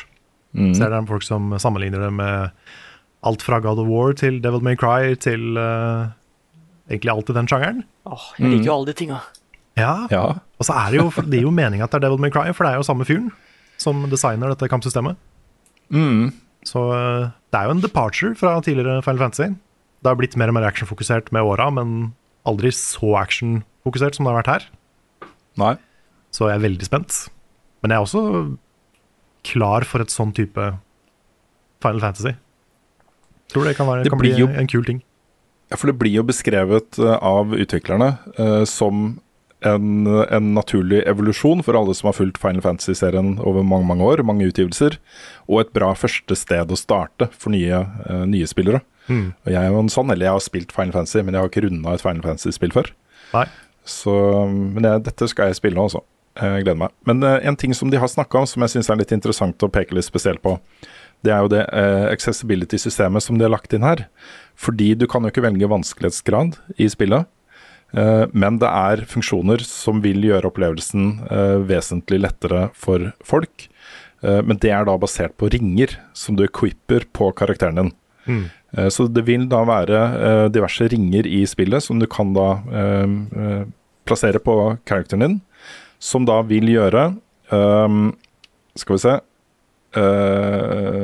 Ja, det er en ring for å samle komboer på én knapp. Ja. Sånn at hvis det er en kombo som du må trykke liksom flere knapper, så kan du samle det på én knapp ved å sette på den ringen. Det er én knapp der fiendene angriper deg mer langsomt. Altså de, de beveger seg raskere, og du får mer tid til å tenke på hva, gjøre, finne ut hva du skal gjøre og sånne ting. Uh, du har også en hjelpe-NPC i spillet. Vet du hvem det er, Carl? For det visste ikke jeg. En hjelpe-NPC? Ja, altså En du kan gi liksom beskjed om å stikke og hente den greia for meg, eller et eller annet sånt. Og er det, det som, da. er det hunden? Ja, det er kanskje hunden. Ja. ja. Har du noe navn, eller noe? Nei, nei, jeg bare Jeg har ikke satt meg så dypt inn i det. Ah, Men ja, det, ja. det blir beskrevet som en hjelpe-NPC. Det er vel hunden, det, da. Det kan godt hende det er hunden. Du kan sikkert sende til å hente ammo og sånne ting på slagmarkene, ikke sant. Sikkert. Det er ikke så mye ammo Etter. kanskje i Final Fantasy, men eh, Nei, kanskje ikke. Ammo til sverdet ditt. ammo til sverdet. Ja, det er ammo til sverd i Destiny, så hvorfor ikke ja, Final altså, det Fantasy? er Final Fantasy 8 er gunblades, så det er jo Ikke sant? Ja. Eh, men uansett, da. eh, det er en ring eh, som, som gjør at du slipper å gi da den kommandoer. Den bare gjør ting automatisk. Mm -hmm. og så er det to forskjellige ringer for det å ha automatisk dodging i kamp. Jeg vet ikke hva de forskjellige dodgingene er, men det er i hvert fall to forskjellige typer dodging. da. Riktig. Så det er jo Du kan jo da gjøre det til et litt mer sånn turbasert aktig kampsystem hvis du vil, da. På en måte. Mm. Hvis du har på de, de ringene her, så blir det liksom, det blir mer strategi og mindre, mindre action. Mm. Så det er jo et OK kompromiss, føler jeg. Ja, Vi kan jo ta et spørsmål her som har kommet fra Silacoid før vi snakker mer om det. Og det er da um, uh, Ja, han snakker om at det har en selvjusterende vanskelighetsgrad, og det betyr jo at du kan justere det selv. Det er kanskje litt feil. ja, Ikke at den er selvjusterende, men altså du Nei, den, ja, den eh, innstiller seg ikke automatisk. Mm. Du må gjøre det selv. Og justere det selv. Men ok. Eh, slik at spiller ikke lenger vil måtte ta skammen med å velge easy hvis de ikke får det til. Dette kan jo gå alle veier, men hvilken vei tror og håper dere dette går? Jeg vil si at Det som er hovedinnsigelsen min mot dette, er at du da ikke kan velge andre ringer som kanskje er dritfete, som gir deg dødskule abilities, og som er kule å både finne mm, ikke sant, som lut, men også å da plassere på karakteren din og få da en ny dimensjon med spilleopplevelsen. Det er Ja, den det er sant. viktigste tingen. For da blir jo de plassene tatt av andre ringer. mm. Det er jo litt sånn som det systemet Near har. Mm. Near Automata, hvor du liksom Du kan jo unequippe HUD-en Ja, det er sant. for å få plass til flere abilities, liksom. Mm. Ja, Så det er jo litt i gata med det, kanskje. kanskje. Hvor du kan, du kan liksom legge til og fjerne mechanics for å få plass til flere super-equip-ting-tang. Ah, det tenkte jeg ikke på. Mm. Det er jo helt sant. Det er litt av det. Muligens. Nei, jeg, jeg vet ikke. Jeg tror at uh, med det systemet her så kommer nok ganske mange, tror jeg, da, til å velge én eller to av disse ringene som en del av sin bild. Um, litt avhengig av hvordan de opplever vanskelighetsgradene i spillet. Ja, kanskje. Men det blir jo Det kommer veldig an på hvordan de blir presentert i spillet, tenker jeg. For Hvis de er accessibility-ringer, liksom, så hadde jeg tenkt at ok, da skal jeg prøve å klare meg uten. Mm. Så hadde jeg tatt de på hvis det var umulig, liksom. Men uh, jeg vet ikke. Ja, men det, det er litt avhengig av hvordan det funker. Tenk om du må ta en sånn derre uh, Wolong-type boss først, før du får tilgang til de ringene. Det hadde vært eh, ganske dårlig design. Det hadde vært ganske dårlig design. jeg. Ganske dårlig, ja. Jeg tror du må ha disse ringene tilgjengelig fra start, da, i hvert fall. ja. Uh, og så må det være godt, godt forklart hva de, hva de gjør. Um, jeg um, Dette med å ha én vanskelighetsgrad er jo et veldig godt etablert noe designprinsipp i denne typen spill, vil jeg jo si. Mm. Uh, og man kan argumentere både for og mot det. Jeg, eh, som en abled gamer, en som har to fungerende hender med fem fungerende fingre på hver hånd og greit syn og hørsel og alle disse tingene, syns jeg det er greit. Eh, Men jeg har veldig respekt for at, eh, at eh, andre har andre behov. Ja. Og da disse kontrollerne som både Microsoft og Sony nå lager for å hjelpe personer med funksjonsutfordringer, er jo supert. Men ikke minst er jeg også veldig glad for at spill som God of War, The Last of Us osv. har sjukt gode accessibility-innstillinger. Ja, for det er jo den riktige måten å gjøre det på. At du har en, Det egen, det, du har en altså. egen meny hvor du kan stille inn alle de tingene her. At mm. ikke det er låst fast på equipment eller sånn. Ja. Så det er ikke den beste løsninga, det og alt. Nei, jeg, det føles som et kompromiss eh, som på en måte egentlig ikke tilfredsstiller eh, noen, da. Det at man OK, vi har et spill, det har én vanskelighetsgrad, og du må liksom klare det på den vanskelighetsgraden for å, for å komme deg til rulleteksten og uh, get good, liksom. Det er designprinsippet, men OK, du kan bruke disse ringene som gjør det litt lettere. Men sånn er jo disse ringene litt i utgangspunktet. Du kan jo få, eh, få uh, enhancements som eh, gjør liksom at skills gjør mer damage, eller at du, de tar mindre mana, eller Det er mange ting da du kan legge på karakteren din som gjør opplevelsen lettere i utgangspunktet i denne typen spill. Ja. Det, jeg, jeg, jeg føler at kanskje de tingene som de gjør lettere her, nok hadde gjort seg best i en meny. Mm. Jeg, jeg, med- jeg tror det også. Ja, jeg er med på den. Nå tror jeg ikke det spillet her kommer til å bli like vanskelig som f.eks. Elden Ring. da. Nei. Så um, det er jo Jeg tror det skal være overkommelig å komme seg gjennom for, for de fleste som ikke har store funksjonsnedsettelser. Men det er De kunne nok løst den accessibility-delen bedre, ja. Mm. Kanskje, det, kanskje de snur på det. Det kan hende. Det er jo litt derfor man har previews og QA og, og sånne ting. Man te- tester ut ting. Mm. Så vi får se. Uh, min uh, takeaway fra det jeg har sett om dette spillet nå, i hvert fall, er jo at uh, jeg er klar. Jeg er klar Ja. for det også. Første Final Fantasy som er rata mature. Ikke sant? Det var det eneste som skulle til. Ja. så, så var jeg der med en gang. It's gonna get dark. Decapitations, baby. Ja, det er adult, er det ikke det? Ok, greit. Din Ja, ok, greit. Blood. Det, det er enda verre hvis bare hodet henger fast i noen sånne uh, Ja, jeg, jeg tror fortsatt det er adult, altså. Okay, Det er ikke decapitation. Det er De trekker den så langt at du, du bare ser hodet bare henger og digler på én sånn scene, liksom. Technically. ikke decapitation.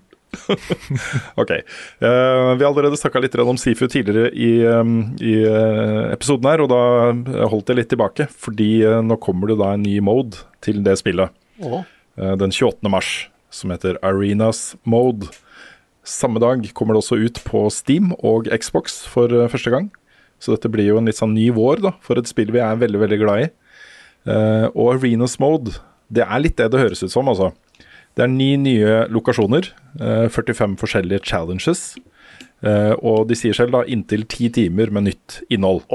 Um, I Arenas Mode så vil du ha survival mode, som jeg tenker er litt sånn Se hvor lenge du klarer å overleve. Eh, performance mode, se hvor fett du klarer å holde komboen i gang og sånne ting. Eh, time attack, hvor kjapt klarer du å gjøre dette her. Eh, capture mode, som er mer en sånn du skal litt sånn fange soner, da, og så holde de mens finner fiender angriper.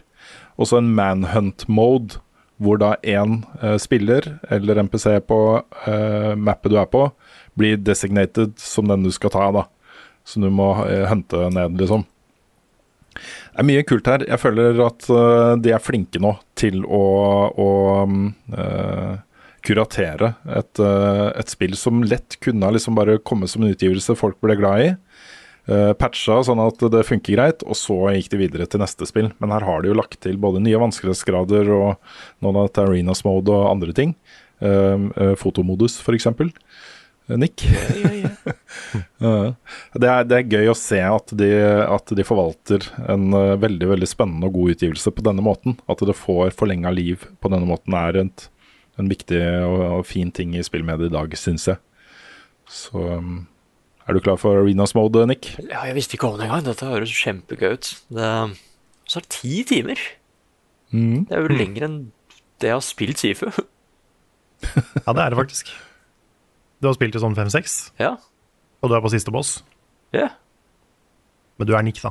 Hva er dines best, hvordan fredag sist? Har Carl egentlig sopp? Ukens spørsmål. Vi har fått inn masse forskjellige spørsmål denne uka her, og Rune, du har samla noen. Ja, fordi um, uh, vi nevnte jo at vi skulle komme tilbake til, um, til uh, Elden Ring delelse i spørsmål og svar, sånn at ikke det ble for uh, crowded i, tidligere i podkasten. Mhm. så jeg bare samla de som har kommet inn om det. Det er naturlig nok mange som har spurt. Uh, kan jeg først bare nevne at uh, uh, Espen Frays Jodnes skriver det har en følelse av at uten Frida så vil denne ukens episode være 80-90% prat om Elden Ring. Delelse. Det har det jo ikke vært, da. Nei, vi har vært flinke. Vi har flinke. Ja, men jeg vurderte litt det å ha, spøke litt med det i starten av podkasten. Bare si at dette blir en Elden Ring delelse spesial, og vi skal få inn eksperter og vi skal analysere hvert eneste gresstrå i tegningen. Og, ikke Ja. sant? Hva slags type korn er det Mhm. Mikkela slash Marika står i? Kønn. Kønn. Kønnåkeren. Gamle kønnåkeren. Ja. Om, omkransatt er vel kønnåker. Ja, ja. Men uh, vi har da fått noen spørsmål, og skal vi se. Vi kan begynne med et fra uh, Jeg tror jeg skal lese alle spørsmålene, for de spør liksom litt de samme tingene. Uh, Jon Andreas Sivertsen spør hvor fantastisk digg er det å være From Software-entusiast om dagen. For meg er det ti av ti. Spent på deres score. Skal vi svare kjapt på det? Nei, det er jo helt riktig. Ja. Det er ikke noe Det er sånn diskusjon. Hmm? Nei, det er ikke noe diskusjon. Nei, men altså Elden Ring har, tror jeg, for oss og for en del andre, um, om ikke ødelagt for um, spill, uh, spillgleden av andre spill, men det har i hvert fall dominert tankene mine og faktisk spilletid det siste året. Det er det Mm. spillet jeg har spilt mest i året som har gått, Ja, ja, siden utgivelse. Uh, og jeg har, hadde ikke hatt noe som helst problem med å sette meg ned med en fresh character og bare starte et nytt run.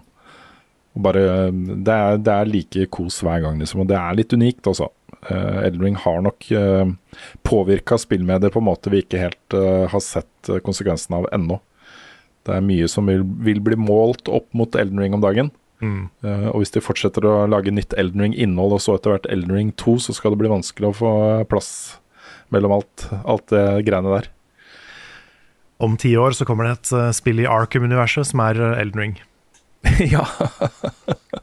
Jepp. Et de- Pokémon slash Elden Ring crossover-spill også, kanskje? Yes. Nei, de er uh, alltid litt for seint ute med trendene sine, virker det som de, den gjengen der nå. Mm. Og så spør da også Jon Andreas eh, om eh, hvem som sitter på hesten. Den gjengse oppfatning er at det er Michaela, men tenker det kanskje kan være America, basert på hvordan personen sitter på hesten. Og er det forresten Torrent? Jeg Vi tror det er Torrent. litt om det tidligere. Ja, jeg tror også det er Torrent. For det Mm. ble jo snakka om at den Torrent har hatt en tidligere eier Sant? i Elden Ring. Og Mikkela har et uh, kvinnelig alter ego som heter St. Trina. Mm. Så det kan også være derfor. Ja. At, det, at det er en feminin eh, appearance. Mm. Så det er jeg spent på. Jeg gleder meg Mhm. til de skal presentere dette nærmere. Uh, Trond Moum Gulbrandsen, Eldring DLC, en fortsettelse der vi slapp i nye omgivelser. Går vi tilbake i tid, som From Software ofte gjør. Hva håper dere på? Og blir det launch stream? Nei, det, vi snakka litt om det tidligere også, men eh, jeg håper virkelig at dette blir en contained opplevelse. At det blir en sånn egen, eh, egen opplevelse i Elden Ring-universet. Hvor, eh, hvor man får liksom alt fra egne nye bosser til en ny dungeon og Mm. masse greier, liksom. Det er jo Historisk sett så er det jo delscenen som har vært det beste med nesten alle spilla til FromSoft. Ja. Så bare det er grunn nok til å glede seg. Ja, for både uh, Dark Souls 1, 2, 3, uh, Bloodborne uh, Alle disse spillene eh, fikk jo delelse som uh, utvida gleden. Mm. Betraktelig i noen tilfeller, da. Ja. Også Bloodborne er aller, allerede et fantastisk spill, men så kommer Old Hunters med de bossene og det universet de skaper der, og er bare enda bedre. Og det er nesten ikke til å tro, altså.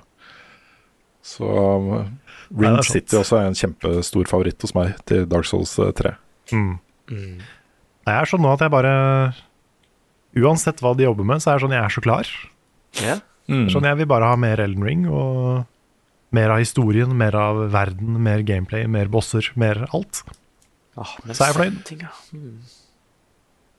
Vet vi, Skal vi spekulere litt i hva slags level uh, recommendation det ville være på DLC-en?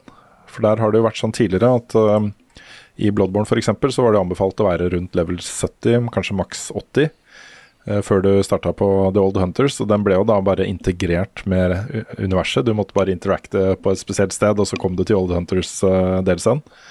Samme med Ringed City og, og den andre DLC-en til Dark Souls 3.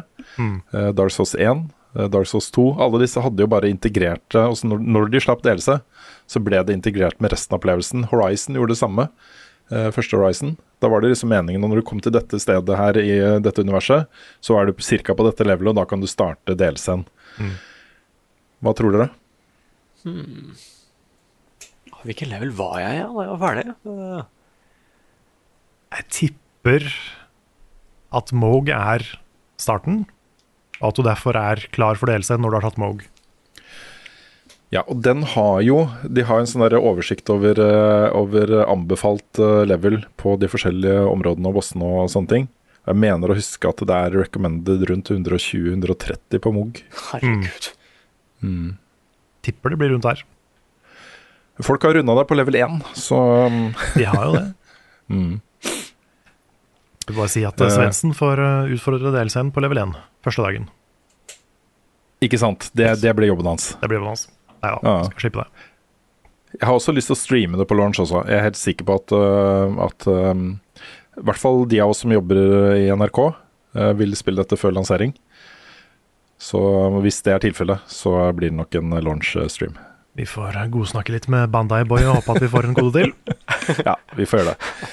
Eh, ok, Kristoffer Bolæren Zetlitz. Uh, der kom DLC-en din, Carl. Fornøyd? Har du noen formening om hvor stor DLC-en blir eller bør være? Det er jo et stort spørsmål, da. Mm. Fordi Elden Ring har jo områder som er like svære som en DLC var før. Mhm. Altså, hvis du tar liksom Halligtree da, fra Elden Ring, så er jo det på størrelse med Ringed City. Å ja, Volcano Manor også kunne vært en DLC, liksom. Mm. Så, Og Mount Gilmer. Ja. Så jeg vet ikke. Elden Ring er så mye større enn det de andre spillene er. Så jeg vet ikke om det betyr at Mm. DLC-en også blir større. Det blir spennende å se. Ja, jeg ser for meg at, uh, at, um, at i skala, liksom, eller i sånn hvor lang tid det tar å fullføre, og hvor mange levels det er meningen du skal levele og, og sånt, så, så vil jeg jo se for meg at uh, jeg hadde blitt fornøyd hvis det var Limgrave og Liurnia, f.eks. At det var den type størrelse på det. Mm. Um, der er det jo sjukt mye å oppdage, og uh, to dungeons. Legacy det. dungeons. Det er det. Nei, jeg, jeg vet ikke, ass. Det- Elden Ring har liksom fucka med hele skalaen. ja. Det jeg forventa før, er ikke det jeg forventer nå lenger. Og det er litt skummelt. Jeg tenkte å ha et spill som det tar liksom fra sånn 110-20 timer til 150-60 timer å runde, og du føler at du har gjort noe nytt hele tiden. Mm. at det har vært kult hele tiden. Det er, eh, det er sjukt, altså. Det er sjukt. Ja, hvis vi får liksom en, en prequel-versjon av kartet, ikke noe av det som er på under kartet, men bare hovedkartet, liksom. Der, kan, der er det mye greier, fordi Herregud, tenk om det er hele kartet. Tenk om de hadde gjort det. Jo, men, men jeg, jeg, jeg tror ikke det er et så så rart valg, liksom. Fordi holdt på å si, de, de kan jo bare De kan jo kopiere en del av det, så klart, men de må forandre på mange ting. Altså av Kalid og ting og tang. Mm. Legge til nye fiender og sånn. At vi bare får liksom oversiden av kartet. Ikke det som er under og ting og tang. Tror, Det hadde vært Sorry, bare fortsett. ja, jeg tror det kunne fungert. Og da, da Jeg har jo mest lyst på en prequel Elden Ring, på en måte, fordi det er så Det er så cool law. Mm. That would be the way to do it. Eller bare at de drar utafor the land between, liksom. Men også hvis de drar tilbake i tid, så åpner det seg opp en god del muligheter der. Kanskje de står liksom og bygger Volcano Manor oppi der, og at, uh, at uh, Rijkaard er liksom med, og han er en bare vanlig dude, liksom, som er veldig glad i slanger. Ja, eller eh, pre-rot Kelid. Mm, ja, det også hadde vært helt nydelig, altså. Men det Det er altfor omfattende for en DLC, da. Mm. Ja, Er men, det de, men, men nå har de liksom gått ut og sagt at vi holder på med den, og ikke en trailer eller noe sånt, så det kan hende at dette er ganske langt unna. Ja. Jeg tror ikke det er så langt unna, altså. Jeg tror ikke det. Jeg tror uh, uh, altså det har noe med, med levetiden til spillet og sånne ting. Og jeg tror nok at de kunne sluppet om tre år, og folk ville spilt det like mye. Mm. Men det, det, handler litt om også Jeg er helt sikker på at det også sitter et team og jobber med Elden Ring 2. Uh, det handler jo om liksom progresjon og, og, og sånne ting, da. I, i en franchise, liksom. Jeg, jeg, tipper at de nok planlegger en lansering enten på slutten av i år eller første halvår neste år. Min, min prediction på det. Ja, men jeg tør liksom ikke helt å håpe på noe mer enn kanskje to Legacy Dungeons, da. Hvis det blir et svært kart å utforske med masse masse optional side content, f.eks., så blir jeg overraska. Mm.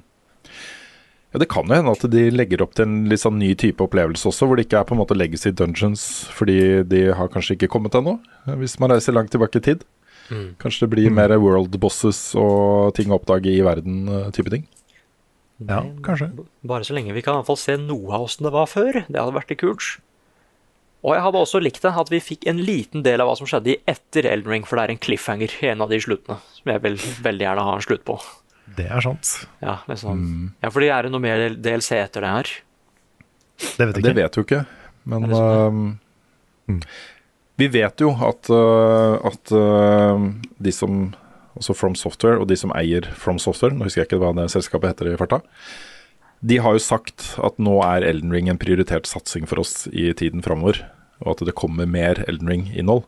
Mm. Uh, og det er jo en veldig naturlig ting når vi ser hva de har gjort før også, med Dark Souls. Her har de på en måte fått en ny, ny greie, liksom, som folk er supergira på, som kan få en fortsettelse, hvor folk kommer til å kaste seg over alt de slipper. Det er, det er bare garanterte penger i banken, liksom. Så, mm, så, det kommer mer. Jeg vet ikke om det kommer flere delserier. Jeg tror kanskje det blir én svær story-delse, og så kommer Elden Ring 2 noen år etter det. Det tror jeg. Jeg er ja. glad vi sparte dette, her, for nå føler jeg at ikke sant, hadde vi begynt med dette her tidligere i podkasten, så hadde vi sittet liksom, gått en time, og så hadde vi ikke snakka om noe annet. Nei, det er sant. Men jeg hadde... Var det smart av meg å ikke legge det inn i ukens hotteste, ikke sant? Det var smart. Mm. Men jeg hadde rett hatt en liksom TV-serie som var uh, familiesagaen Marika, f.eks. Mm. Det kunne vært kult. Du følger den oh, familien med alle komplikasjonene. Ja. At mor og far er samme person og mm. alt der. Det kunne vært dritmorsomt. Skrevet og regissert av George R. R. Martin. oh, du kan se liksom en, en ung Radan og hvor glad han er i hesten sin og Ja, ikke sant? For det kunne vært en liten sånn sidehistorie. Uh Den eh, lille bøffe Dan bare går rundt og leker med hesten sin og Ja. Ronny ja, er en dokke, ikke sant, som er den dokka. Mm. Nei, Det er, ligger mange muligheter her. Da kan vi avslutte Elden Ring-bolken med et spørsmål fra Martin Herfjord, eh, Jingle-Martin. Eh, som spør da hvis dere fikk drømmedelscenen deres i Elden Ring, hva ville den inneholdt? Og nå har vi vel snakka litt om hva vi, eh, mm. hva vi håper ja. det blir, men Hva skulle det vært? andre planeter eller noe sånt. Jeg har lyst på, har lyst på denne science fiction-twisten, jeg, da. I Elden Ring? Ja, ja, ja. Jeg tror, jeg tror, faktisk det hadde fungert veldig bra. Med at uh, dette er bare en del av Dette er en liten realm av noe dritsvært, liksom. Ja. Fordi det har jo vært liksom svære guder og ting og tang i de andre Fromso-spillene, men hva hvis liksom The Outer Gods her Hva hvis det straight up bare er aliens, liksom? At det liksom, det, dette er på en måte en dette er, det, si, dette er det George R. R. Martin skulle gjøre med Game of Thrones først. Det skulle egentlig være en science fiction-serie hvor dette var en planet. Men så syntes han det var så kult å være her, så bare vet du, vi lager en Game of Thrones-serie isteden. Og hvis det er det Eldring er, at liksom det, dette er bare én av mange verdener, liksom. Mm. Hmm. Ja. Det er en utrolig bra sånn cliffhanger-avslutning på delscenen. At man plutselig, det åpner seg liksom et helt nytt kart som skal bli Eldring 2. ikke sant? En ny verden. Mm. Du står og ser på samme, det øyeblikket sant, når man kommer ut av uh, Stormvale Castle og ser Lurnia of the Lakes brette seg ut, sant, og så avslutter det bare. det, er så, det, er så, skummelt å drømme sånn som dere drømmer nå. Det, det jeg vet det. Det er veldig skummelt. Nei, men, men, men, en prequel, liksom. Fordi hvis det er én ting da som jeg hater litt med FromSoft av og til, så er det at eh, de snakker alltid om hvor kult ting har vært. Og så får mm. vi mhm. liksom bare the aftermath av det, liksom. Ja. Så, vi, så, det er veldig sjelden at vi faktisk får slåss med noen i sin prime. Stakkars han derre uh, hva, hva, het han igjen da, han i Debis? Å, nå husker jeg ikke navnet hans. Å, dette er flaut. Hva han heter Artorius. Artorius, ja. Liksom Ja. bare, ikke bare er han en del av the darkness, liksom, men ja, han er venstrehendt nå, ikke sant? Det er ikke snakk om å slåss i sin prime der. Er derfor Sekiro var så helt Det skal jeg ikke spoile det, men der skjedde det noen greier. Da fikk vi slåss mot en boss i sin prime. Tenk å Oh, liksom yes. få Radagon i sin prime. Eller, eller Radan. Mm. Eller Melania. Liksom. Det, det er så mye kule greier. Det er sant. Jeg tipper det blir Ja. noe av det da, i DLC-en. Ja. At du får noe sånne past versions av eh, Altså Godwin er sikkert involvert på en eller annen måte. Ja. Han driver jo råtner under Erdtree. ja han kan være to bosser. Ja, Før og etter. før og etter. Ja. Me at the start Jeg- of 2022 and me at the end of 2022. Nei, altså, jeg, har ikke noe sånn klart bilde av hva jeg eh, håper dette skal bli. Men eh, når vi driver og snakker om liksom, å gå tilbake i tid og sånn, så Så um, jeg, jeg vet jo hvor effektivt det kan være. Og der har Dark Souls-serien har jo gjort det en del. da Hvor du plutselig er tilbake i Anno Londo, Anno Londo i Dark Souls 3. ikke sant Og du får den der følelsen, samme følelsen du fikk da du kom dit første gang i Dark Souls. Igjen, og så kan du utforske andre sider og andre steder i Anno Londo Mm. litt den derre Her er det gjenkjennelig, den der nostalgien for Elden Ring. At man vekker den til live ved å se liksom hvor, hvordan ting var før. Og du kjenner igjen landemerker og, og sånne ting. Tror jeg kan bli en ganske fet opplevelse også. Så det er vel kanskje det jeg håper på. Men når det gjelder Elden Ring 2, så bare gleder jeg meg til den der følelsen av å se starten på et helt nytt kart. Ja. Liksom, du bare du ser en flik av det kartet, og så finner du et eller annet som gjør at du får se mer av det, og så mer og mer og mer, og det bare vokser på den måten som Elden Ring gjorde. Mm. Når jeg ser tilbake på liksom, min første playthrough, så er det det som gir meg mest glede. da Å forstå hvor fucking svært det faktisk er. Det er helt sjukt, altså. Ja. Og så er jeg litt bekymra også, for jeg husker jo eh, i oppkjøringa til Elden Ring, fra de viste Fra de annonsa det og viste hverandre den første traileren og sånt, så tenkte jeg på Elden Ring hver dag. Hver eneste dag var det et øyeblikk hvor jeg husket at det kom Eldring er på vei, det kommer. Det, jeg frykter at det vil bli sånn litt nå også. Fare for det. Ja. Men det er jo et spørsmål, da. Hva er the lands between? Between? Nei, det, Mm. det er aliens, Ja. da. Ja, between the aliens. Ja, går ut, og så bare simul simuleringen av Elden Ring. Bare, ja, det Ja. er én ting, og så en annen. Nei, men de, er, de der uh, Outer Gods er jo litt sånn der Eldritch, uh, Bloodborne-guder. De er det. Ja. Kan hende det er noe der. ja, fordi Å, slåss mot en sånn en. Jeg vil ikke at det skal være en sånn unseen antagonist. Noen av Nei. dem kan være det, men jeg vil faktisk slåss mot en faktisk Outrogada. Ja, Det går litt imot den der Cosmic Horror-tingen, da, at du kan overvinne det. Ja, men de, men de har allerede gjort det, så mange, så mye. Så da vil jeg ha en spill hvor de faktisk liksom, vet du hva Nok er nok, ass! Nå skal vi faktisk banke opp en av dem. Skal vi ta et par-tre andre spørsmål om andre ting før vi runder av, eller? Kjør på! Ja, jeg har et uh, spørsmål her fra Bleddo som jeg har lyst til å bare nevne kjapt uh, på Discord. Uh, som gratulerer oss med så mange flinke nye anmeldere over det siste året. Men han syns da, eller han eller hun, syns at det bare har vært litt lite lyd fra den kanten etter de første introduksjonsvideoene og første anmeldelsene til de fleste av dem, utenom Andreas. Um, det er delvis bevisst. Vi ønsket ikke å bare pøse på med masse innhold, for det er jo så mange av de, ikke sant? Eh, med en gang, sånn at folk ble litt overvelda. Eh, det, det kunne liksom ha ført til at eh, folk ble litt stressa. Vi er klar over at level up er en litt sånn familieting også for de som ser på og hører på. At og jeg blir stressa når folk introduserer nye personer i, i, i ting jeg er glad i også, ikke sant. Mm. Så den følelsen kjenner jeg ganske godt. Så det var litt bevisst at vi ikke skulle ha for mye i starten.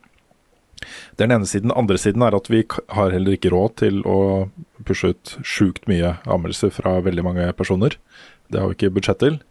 Eh, og den tredje tingen er at vi må la disse folka bli litt varme i trøya. Det er litt viktig. At de skal styre det tempoet litt selv. Så, så det har jo vært litt sånn at vi har, eh, vi har åpnet opp for flere anmeldelser. Eh, men av forskjellige grunner så har det ikke blitt så mange som som uh, kanskje en del av seerne og vi og anmelderne uh, hadde håpa på. Med eksamener og, og ting som kommer i veien akkurat da, ikke sant. Mm.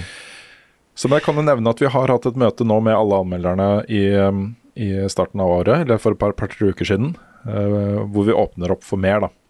Så det, jeg håper og tror at det vil komme flere og hyppigere anmeldelser fra de nye anmelderne i 2023. Det håper vi på. Mm. Eh, I tillegg, da, så hvis noen eh, ikke har sjekka ut klassikeren den eh, sesongen her, så er det jo to utrolig bra klassikere fra Leander der. Ja. Som er veldig, veldig, veldig verdt å få med seg. Ja, Leander er et sånn derre uh, supertalent. 18 år gammel, liksom. Han uh, Jeg er glad vi uh, Han er hos oss. Mm. Jeg tror også Level Up er et veldig bra sted å, å på en måte eksperimentere seg fram til uh, sin egen stil. Klippestil og registil og manus og, uh, og alt dette her.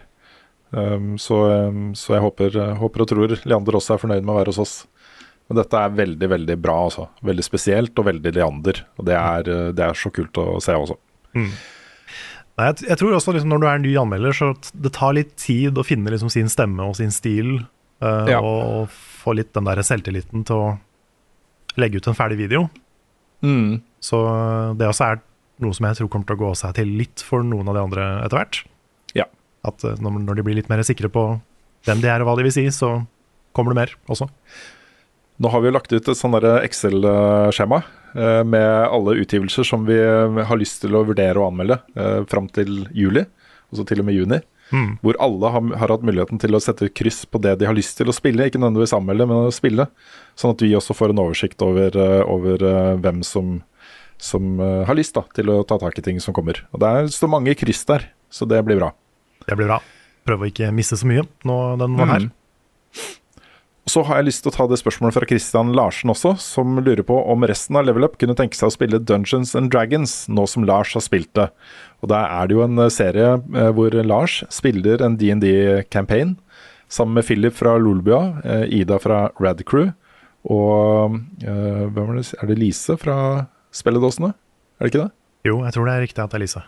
Ja. Um, og det, det, det er jo kjempekult konsept. Det er jo selvfølgelig andre som har gjort den type konsepter uh, internasjonalt også. Men, uh, men vi har jo snakka om dette i årevis, at vi har lyst til å gjøre en level up DND-campaign. Oh yes. Jeg har spilt litt D&D sånn eh, digitalt under pandemi og sånn, Mm. men jeg, jeg har fortsatt til gode å spille en sånn skikkelig gjennomført D&D-campaign med innlevelse og full pakke. Mm. Så det, det er på bucketlista mi. Ja, samme her. Det ser kjempegøy ut. Der er, det Critical Role hvor, uh, hvor um, de har så utrolig bra cast av, av folk som Ja. er så morsomme. Med voice actors fra rundt omkring og, og sånn. Det er jo med Matt Mercer og uh, Hva heter hun som spiller Ellie? Uh, Ashley Johnson Stemmer. er med. Og flere andre som er uh, veldig flinke. Ja, det er veldig, veldig gøy å se på. Så um, det er store sko å fylle, men Det er det det. gøy. Det er, ikke lett, det er ikke lett å lage det nivået Critical Role lager. Nei, det er jo en megaproduksjon. Det kan vi love at vi ikke kommer til å få til. Det er helt sant. Men den uh, DND-serien til, til gjengen her er jo ikke over ennå. De skal De har flere episoder igjen, og skal streames mer. Så følg med på den, altså. Det er kjempeartig. Mm. Jeg har lyst til å bare svare kjapt på et spørsmål fra Daniel Kvien, som har fått med seg at det er store nedskjæringer i NRK nå, og lurer på om det påvirker min situasjon, og det vil jeg bare si at det gjør det ikke. Um, litt sånn snarere tvert imot. Det er jo litt sånn i mediebedrifter, når de kutter faste ansatte, så er det fortsatt Det må jo lages innhold, så de har jo fortsatt penger til frilansere. Mm. Så, men det er jo, jeg synes det er veldig den der kultursatsingen de- har gjort på anmeldelser generelt, hvor de har henta inn masse nye anmeldere på både musikk og film, og ikke på film, der hadde de fra før. Eh, men på musikk, TV-serier Ja, ikke TV-serier, for der hadde de fra før. Kunst, eh, kultur generelt, og dataspill da, er, eh, det har blitt veldig godt tatt imot i NRK. Så det, det kommer til å fortsette. Kanskje de til og med henter inn en anmelder til, sånn at det blir flere anmeldelser. Det er litt den veien det går. Og så har jeg et siste spørsmål Ok. til avrunding. Okay. Ja. Det er fra Steamrollerman, som sier han har ikke noe spørsmål, men håper Nick er med. Ja, jeg var jo med! Å, han var med! Var det? Så så det, got er, your wish. ja, det er svar på spørsmålet. Det er spoiler nesten. Jeg var med, ja. Ja, Ja. fy fader. Hello. Velkommen, Nick. Ja, ja, takk. Og nå sa jeg egentlig hello til personen som stiller spørsmålet. Hva, hva het han? Ja. Lund? Steamrollerman. Steamrollerman. Halla, Steamrollerman. Og hei, Karl og Rune. Jeg vet ikke hva Hei til deg, Annik. Hei. Og med det så runder vi kanskje av uh, level backup for, uh, for denne gang. Akkurat idet vi sa hei, så runder vi av. Ja, sorry. Sånn har det blitt. Men uh, dette har vært en podkast utgitt av moderne media. Låten i introen og outroen er skrevet og komponert av uh, Ole Sønnik Larsen og framført av Kyoshi Orchestra og det andre ordet, som jeg aldri Den er husker. skrevet, den er skrevet av uh, Ole Sønnik Larsen. Og komponert. den er arrangert Bare arrangert av Kyoshi Orchestra. Ja, de har lagd sin versjon av en låt som Ole Sønnik Larsen en gang lagde for mange år siden. Stemmer. Ja. Vignetten er lagd av fantastiske Martin Herfjord. Mm. Du finner innholdet vårt på eh, youtube.com slash levelupnord. Der legger vi ut basically alt vi gjør, bortsett fra noen eh, streams og sånn, som du finner på twitch.tv slash levelupnord. Eh, hvis du har mulighet og lyst, kan du støtte oss på Patreon for å støtte arbeidet vi, vi gjør, med spilldekning. Med så mye eller så, mye, eller så lite du bare vil. Det setter vi kjempepris på. Det er fortsatt superviktig, og jeg er veldig takknemlig. Absolutt. Absolutt. Og så har vi en spreadshop. Levelupnorge.myspreadshop.no. Der finner du eh, diverse merch, sånn som NAC-forklær og nå nylig skuldervesker har også kommet. Absolutt. Det er, svært. Altså. Du kan gå inn på Hvis du velger et produkt eller et design, så kan du gå inn på tilpass oppe i høyre hjørne. Og så kan du velge eh, fra den menyen så kan du velge se alle produkter. Og det er helt sjukt, altså. Jeg var ikke klar over at det var så mye. Det er mye. Det er flere forskjellige typer bager og alt mulig rart. Mm. Ellers finner du communityet vårt på discord.gg slash eh, levelupnorge. Og det tror jeg var alt. Tror det var alt. Tror det var alt. Så da takker vi for denne gang, og så prates vi igjen neste uke.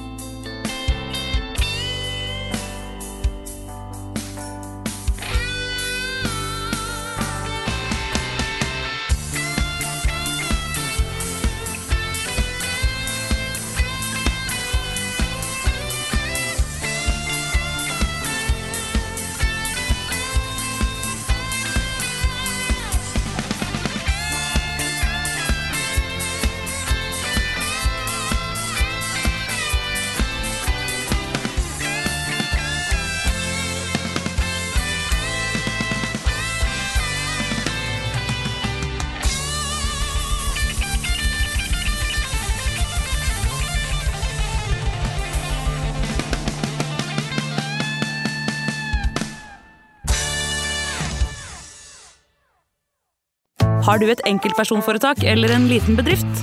Da er du sikkert lei av å høre meg snakke om hvor enkelt det er med kvitteringer og bilag i fiken, så vi eh, gir oss her, vi. Fordi vi liker enkelt. Fiken superenkelt regnskap.